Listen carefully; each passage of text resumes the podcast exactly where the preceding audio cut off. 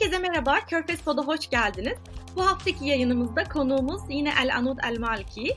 Hoş geldin El Anud. Hoş buldum. Çok memnun olduk geçen haftaki yayından. Şimdi bu haftada e, meclislere benzer bir şekilde e, Körfez bölgesindeki giysileri, geleneksel giysileri, bugün toplumda onlar nasıl kullanılıyor? Biraz bunlardan bahsedeceğiz. Senin sayende e, biraz daha bu konuda bir Türkçe arşiv sohbet oluşturmuş olacağız. Çok teşekkür ediyorum katkıların için. İstediğin zaman başlayabilirsin bize anlatmaya. E, tamam rica ederim.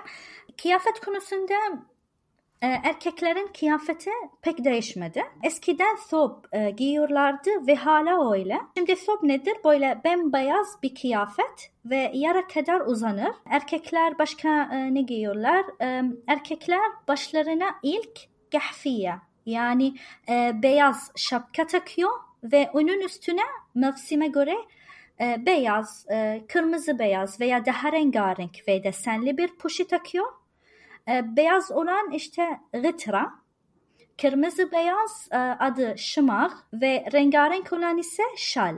Şimdi şal e, farklı, e, farklı bir kumaşla yapılıyor ve kışın için e, takılıyor. E, sonra e, puş, e, puşinin üstüne siyah egal takıyorlar Egal e, siyah yuvarlak halka gibidir ve halka püsküllü oluyor. Ben bunların resimlerini bu yayınımızı paylaşırken tweetimin altına koyacağım. Böylece dinleyicilerimiz hani neyden bahsediyoruz anlayabilirler ama ilk bahsettiği şey gahviye mi demiştin? Gahviye. Evet. Kahviye. O bir namaz takkesi gibi düşünebilirsiniz beyaz. Onun üstüne bir e, yine Yemeni gibi bir örtü oluyor ama bu çeşitleri farklı. Beyaz, siyah, beyaz, kırmızı ve mevsime göre değişiyor bunlar ve üstüne de siyah o her zaman filmlerde gördüğümüz e, şeyden takılıyor. Yani bir tür o eşarbı tutması için evet, aslında. Evet. Ben e, şimdi belki doğru kelimeyi e, bulamadığım için yani iyi anlattın ve resimlere görünce daha anlayacaklar. Şimdi Ekal söylüyorduk. İşte Ekal dediğim gibi siyah yuvarlak halka gibidir. Ve bazı bazıları böyle özel günlerde sobun üstüne beşt denilen bir abaya giyiyorlar. Şimdi beşt e, siyah, krem, kahverengi veya e, sarı olabiliyor ve etrafı e, altın rengi sade bir işleme oluyor. Yani erkekler bu, özel günlerde bu, e, bunu e, giyiyorlar. Şekli abaya gibidir, böyle açık bir abaya. Kışın erkekler degla denilen bir şey giyiyorlar. Degla işte bişte benzer ama kumaşı kalındır. Bizdeki neye benzetebiliriz bunu? Böyle büyük bir kaban gibi düşünün ama önü tamamen açık hani böyle çobanların üstüne attığı tarzda ama tabii ki kumaşı biraz daha ince yani bizde çobanların giydiği şeyden yani hani böyle televizyonda gördüğümüz tarzdan ama çok soğuk olduğunda giyiliyor o galiba değil mi? Ben çok nadir gördüm onu. Evet degla kışın için. Kış için bayağı soğuk olduğunda. Bişle ilgili bir sorun vardı sana onu sorabilir miyim? E, tabii ki. Ben genelde bu işte özel günlerde giyiliyor. Mezuniyetler, düğünler, işte damatlar giyiyor ya da e, resmi törenlerde şeyhler giyiyor falan diye biliyorum bunu ve a, bunun da renkleri var. Renkleri bir şeye göre değişiyor mu? Siyah, beyaz ya da bej olması? E, tam bilmiyorum yani e, ne zaman renkler değişiyor ama eskiden daha böyle e, kahverengi veya siyah kullanıyor, e, kullanıyorlardı. Bilmiyorum belki e, hava sıcak olduğu için e, böyle daha açık renkler e, giyiyorlar. Tam yani yanlış bilgi bilgi vermek istemiyorum. Yok estağfurullah. Ben de çünkü güzel kaynaklar var aslında bu konuda. Onlara baktım e, yapılan çalışmalara ve renklerin tatüyle vesaire değişmediğini tercihe göre zamanla değiştiğini. Çünkü bunlar İran kültüründen gelen şeyler. Yani onların hatta el işçileri genelde Farsi oluyormuş. Suk Vakıf'ta da hep olurdu böyle beraber yaparlardı işçiler. Hani ne zaman birilerini gezmeye götürsek hep oraya da götürürdük. Oradan hatırlıyorum hatırlıyorum. Ama bu bişt resmi törenlerde giyiliyor ve hani sürekli böyle televizyonda körfez ülkelerinin toplantılarını gösterirken e, şeyhlerin üzerindeki o siyah örtü var ya tam olarak bundan bahsediyoruz. Ve mesela bir devlet büyüğü geldiğinde ona da hediye ediyorlar bazen galiba. Çünkü Erdoğan'ın da Davutoğlu'nun da üzerinde gördüm ben bunu Katar'a geldiklerinde. E, giydiler yani kısa bir süre giyip sonra çıkardılar. Böyle bir kültür de var tahmin ediyorum ki. Özel günlerde e, giyiyorlar e, ama yine de e, beş e, yani e, yüksek rütbe olan e, biri e, genelde takıyor. Hmm, şeyh olanlar mesela ya da Evet, evet. Anladım. Evet. Evet ben de onu fark etmiştim. Zaten mesela bir e, konuşma varsa işte bakan gelecekse ya da bir törene gittiysek, bir konferansa gittiysek genelde kolların da asılı şekilde hazır olur. Tören alanına geçileceği zaman üstlerini alırlar yani genelde evet. öyle gözlemlemiştim. Şimdi kadınlar ise abaya giyiyorlar ve başlarını siyah şeyle denilen bir şarp ile kapıyorlar. Ee, bazıları yüzlerini gösteriyorlar, diğeri siyah bir örtüyle kapatıyorlar. Örtünün çeşitleri var tabi. Ee, şimdi nikab denilen e, gözler hariç tüm yüzü örter. Daha uzun ve burunun üstünde bir çizgi oluyor. Evet. Ee, diğer diğer çeşidi böyle e, e, adı lesme. Lesme peçe gibidir. Bir de ne var? Gışva. Gışva da var. Rışva ee, eşarbın yani şeylerin e, uzun tarafı yüze örtererek kapatıyor. E, eskiden e, bir de e, battula denilen bir şey giyiyorlardı, kullanıyorlardı. E, battula yüzü sadece çeneye kadar kapatırdı yani diğerlerine göre daha kısa. Maskeyi mi kastediyorsun? Nasıl? Maske takıyorlar ya bir tane böyle özellikle yaşlı kadınlarda görüyorum. Evet yaşlı kadınlar e, genelde e, takıyorlar evet. E, işte o e, ad, e, onun adı Battula. Battula. Hatta Kata, e, Katara'da e, şey vardı. E, evet çok güzel bir yer var. Orada büyük bir Battula var değil mi? Evet doğru. Şimdi eskiden abaya kullanmıyorlardı. Erkekler gibi sade ve siyah bir beşt giyiyorlardı. Şimdiki abaya çeşit çeşit rengarenk modelleri oluyor yani daha modern. Ama eskiden e, bu abaya giymiyorlardı. Kadınlar özel günlerde böyle eskiden hep derra'a, cellabiye, derra'a veya cellabiye yani iki isim var. E, elbise e, giyiyorlardı. E, çok rengarenk ve nakışlı oluyor. Yani evde de bile derra'a giyiyorlardı. Modelleri aynı ama kumaşı farklıdır. E, daha rahat ve nakışı daha sade oluyor günlük için. Ve bazıları derra'anın üstüne yani elbisenin üstüne thob neşil giyiyorlardı. Şimdi thob neşil nedir veya şekli nasıl oluyor? Böyle şeffaf bir kumaşı var ve kolu çok geniş oluyor. Yani yandan iç kıyafeti görebilirsin. Ve altın rengi bir nakşi oluyor. Bilmiyorum gör, e, gördün mü Katar'da? Gördüm, evet, gördüm. İşte bu e, thob neşil e, kadınlar özel günlerde e, giyiyorlar. Şimdi bazı yabancı e, bazıları yani yabancılar diyorum e, belki diğer körfez ülkelerden farklı bir kıyafetimiz yok e, diyecekler ama gerçekten farklıdır. Deta, detaylara bakınca yani daha, fark edecekler. Eşarbı nasıl örter, hangi, kumaş kullanır vesaire. Sobun kolu sert mi, hafif mi? E, hatta konuşurken bile fark, e, farklı kelime kullanıyoruz. Mesela kuvvette sob demiyorlar, dışdaşa diyorlar. Gıtra. Ee, Birleşik Arap Emirlikleri de diştaşa diyor. Ee, emin değilim.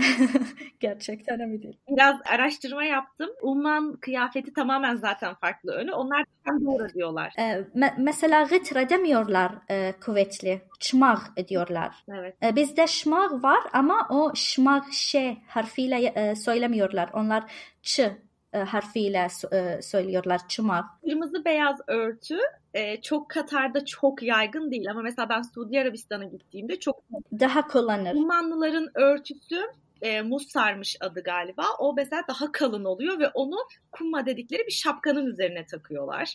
Aslında hmm. insan bir toplantıya gittiğinde hemen anlıyor bir süre sonra ha şu ummanlı, şu imarat işte bu Suudlu falan. Kesinlikle dediğin gibi detaylarda çok şey gizli oluyor aslında. Evet. E, Arabistan'la mesela onların sobu e, Katar'daki sobdan e, daha dar oluyor. Bilmiyorum fark ettin mi? Evet evet hatta açıklamalarda bile öyle yazıyor. Yani şey akademik makalelere bile öyle geçmiş. Daha sıkı ve yani her anlamda daha sıkı. Yani kumaşı da daha farklı, dikişi de öyle. Evet. Ee, inşallah iyi anlattım. Başka ne anlatacağım bilmiyorum yani. Şunu tavsiye edeyim. Yani internette fotoğrafları kesin e, yani e, baksınlar ta, e, takipçilerin. Bir de bir YouTube kanalı var. Katar'da Mr. Q ve e, Katar Yemen diye bir iki e, arkadaşın yaptıkları bir e, YouTube kanalı var. Ben onu hatta öğrencilere de tavsiye ediyorum. Katar kültürüyle ilgili çok temel şeyleri öğretiyorlar ve buna benzer Birleşik Arap Emirlikleri ve Kuvvetlilerin de hesapları var. Mesela 2-3 dakikalık videolarla kendi kültürlerini tanıtıyorlar ve İngilizce. O yüzden bölgeyi merak edenler aslında izleyebilirler. Ben sana şunu soracağım. Çok basit bir soru ama çoğu insan bunu bilmiyor. Katar'da abaya giymek mecburi mi? Yani e, Katarlılar için mi? Yabancılar için. Hayır, yabancılar için yani e, her şekilde giyebilir tabi ama yani şunu söyleyeyim. E, şimdi her yerde, her ülkeler, her her ülkede yani e, her yerde özel bir kıyafet oluyor. Mesela e, e, nasıl söyleyeyim? E, AVM'lerde farklı bir kıyafet giyecekler e, insanlar normalde. E, partilerde farklı bir kıyafet e, giyecekler değil mi? Yani her yerinde özel hı hı. bir kıyafeti veya usulü var. Ama Katar'da yani her türlü her kıyafet giyebilirler. Tabii şimdi e, yani mecbur e, mecbur değiller. Yani ben biliyorum Arabistan'da e, illaki bir abaya e, giymek e, e, yani önemli. Zaten giymezsen polis durdurup giymen gerektiğini söylüyor. Evet ama Katar'da öyle değil. Katar'da öyle değil. Yani mesela Türkiye'de e, mesela e, Türkiye'de çarşıda böyle e, yani fazla açık bir kıyafet git gitmiyorlar değil mi çarşıda? Çünkü böyle yaşlılar var. Yani çarşı işte. Ama yani başka yerler gezdirirken daha açık gi- giyebilirler. Evet mesela e, bazı plajlar halk plajı, bazı plajlar özel plaj. Orada başka deniz kıyafeti giyiyordu, giyilebiliyor. E, ama halka açık plajlarda mesela işte bikini giymek yasak oluyor gibi.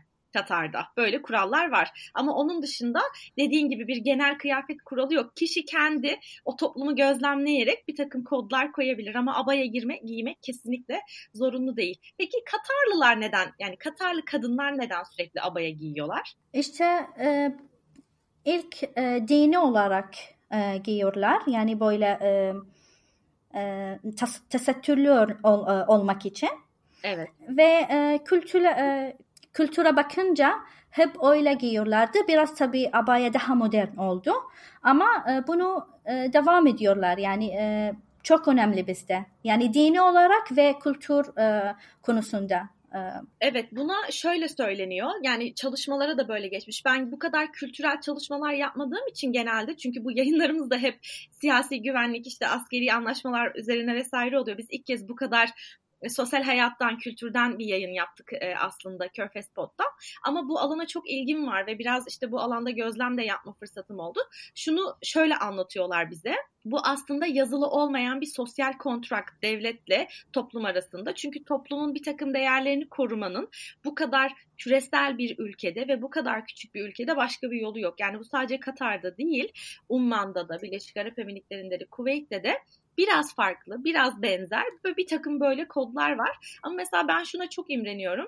Yöre, yani yöresel kıyafetler ve kültürel detaylar bu noktada korunabiliyor. Mesela Türkiye'de de var böyle kıyafetler ama bizde mesela bunlar çok çok nadir kullanılıyor yani. Ancak işte bir e, halk oyununda vesaire Evet özel günlerde mesela kına gecesinde değil evet, mi? Evet kına gecesinde kullanılıyor aynen. Ama burada şu çok önemli. Hatta okuduğum makalelerden birisinde Nur El Kasimi'nin bir çalışmasını okudum. Gerçi 2010 yılında yapılmış ama şu anda da hala aynı şey geçerli yani. Biz de derste buna benzer işlemiştik.